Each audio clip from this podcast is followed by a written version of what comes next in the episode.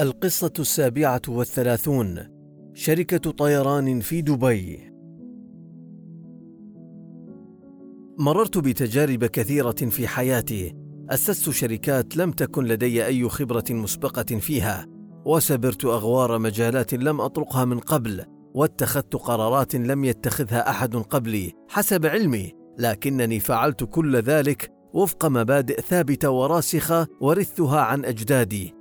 مبادئ في حكم دبي مبادئ تقوم على الانفتاح على العالم والعدالة للجميع وحكم القانون والمنافسة الصحية مع الجميع وفتح المجال للجميع ليعملوا ويبدعوا ويستثمروا. من حق أي مستثمر أن ينافس أي مستثمر آخر حتى لو كان الآخر هو الحاكم أو الحكومة. مبادئ ثابتة أثبتت نجاحها عبر أجيال. أطلقنا في نهاية السبعينات سياسة الأجواء المفتوحة في مطار دبي لنستقطب المزيد من شركات الطيران. كنا واضحين. أي شركة في العالم يمكنها حجز أي عدد من حقوق الهبوط في مطار دبي؟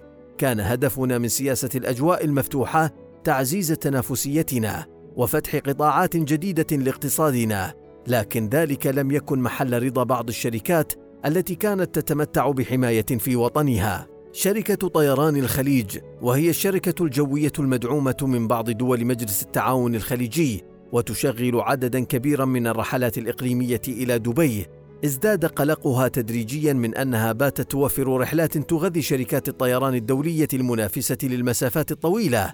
في عام 1983 نشأ نزاع بين شركة طيران الخليج وباكستان حول حقوق الهبوط مما دفع بالأولى إلى القيام بالضغط على عدد من مزودي الرحلات في الخليج للتوقف عن دعم الخطوط الجوية الدولية الباكستانية. زادت مشاكل شركة طيران الخليج مع مطار دبي حتى طلبت مني الشركة بشكل صريح أن أنهي سياسة الأجواء المفتوحة لحماية حصتها من السوق. حددت لنا مهلة زمنية من بضعة أسابيع للالتزام بطلبها بأسلوب تحذيري إذا لم نلتزم فإنها ستنسحب من مطارنا مما يعني أننا سنخسر حوالي 70% من نشاط المطار اعتقدت الشركة أنها في موقع تفاوضي قوي يمكنها من إجبارنا على الالتزام بطلباتها. بعد عقد سلسلة اجتماعات لم تخل من التوتر، أوضحت أن سياستنا للأجواء المفتوحة لن تكون موضع نقاش، وأكدت مرارا بأن المنافسة أمر أساسي، وهي مسألة جوهرية لأسلوب عملنا. لذا لن نحد من النفاذ إلى مجالنا الجوي. وصلنا إلى طريق مسدود وردت طيران الخليج بالحد فعلا من رحلاتها الجوية إلى دبي. أنا أكره النزاعات لأنها ليست طريقة ذكية أو حضارية لحل المشاكل. لكن إذا لم يقبل الطرف الآخر التعامل بطريقة حضارية فإنني أتصرف بحزم دائما.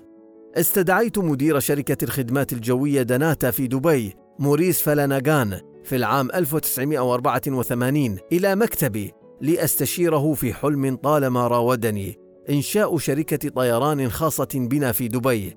شركة طيران لا تكون حكومية بل خاصة. خلافا لواقع الحال في جميع الدول العربية شركة تعمل وفق أنظمة القطاع الخاص وتكون لديها الاستقلالية التامة والاستدامة المالية. كان موريس خبيرا في الطيران. وقد بدأ مسيرته المهنية في شركة الخطوط الجوية البريطانية لما وراء البحار بعدما خدم في سلاح الجوي الملكي.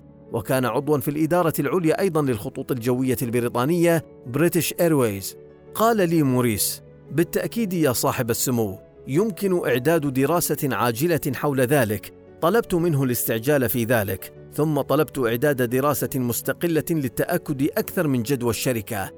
جمع موريس فريقا من عشرة مديرين وعاد إلي بخطة واضحة وأتت الدراسة المستقلة لصالح هذا المشروع. قدم الفريق اقتراحات عدة لتسمية خطوطنا الجوية الجديدة بما في ذلك طيران دبي Dubai Air فأجبتهم بلا نسميها طيران الإمارات. وأمرتهم بوضع علم دولة الإمارات العربية المتحدة على ذيل الطائرة. ثم سألت الفريق كم تحتاجون لإطلاق هذه الخطوط الجوية؟ وكان ردي حسنا لكنني لن أدفع فلسا اضافيا.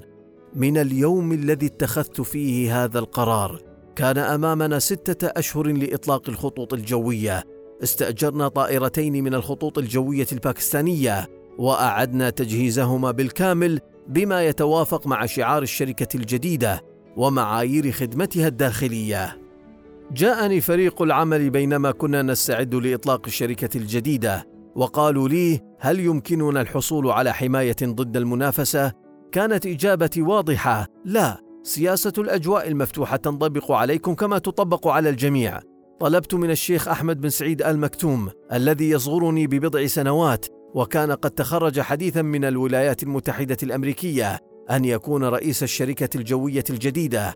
عمل الشيخ أحمد بن سعيد مع الفريق بجدية في عطل نهاية الأسبوع وأحيانا ليلا من أجل تأسيس شركة طيران ذات مصداقية في الوقت المحدد للإطلاق. شاركت في عدد من الاجتماعات وأنا أتساءل دائما عن خططهم وأختبر أفكارهم وكان لشركة الطيران الجديدة أربعة مسارات أولية هي كراتشي وبومبي مومبي حاليا ودلهي والكويت وكان علينا أن نتحرك بسرعة للاستفادة من الوقت وبدا واضحا بالنسبة لي أن دبي ستعتمد على أجوائها كما تعتمد على بحرها.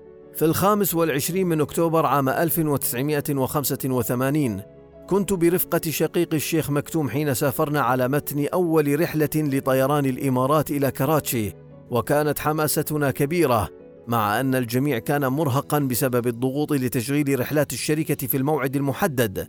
كنت أعرف أن هذه مجرد بداية رحلة طويلة وصعبة. اليوم طيران الإمارات. لديها الكثير من الجوائز العالمية كأفضل ناقل جوي ولديها تاريخ من الأرباح المتواصلة على مدى ثلاثين عاماً. وبلغت عائدات المجموعة في العام 2018 نحو 28 مليار دولار وتمتلك أكثر من 260 طائرة وتنقل نحو 60 مليون مسافر سنويا ويعمل فيها أكثر من 100 ألف موظف. أحيانا تجني بعض الشركات على نفسها بخوفها من المنافسة فتكون النتيجة خلق منافس يخرجها من المنافسة.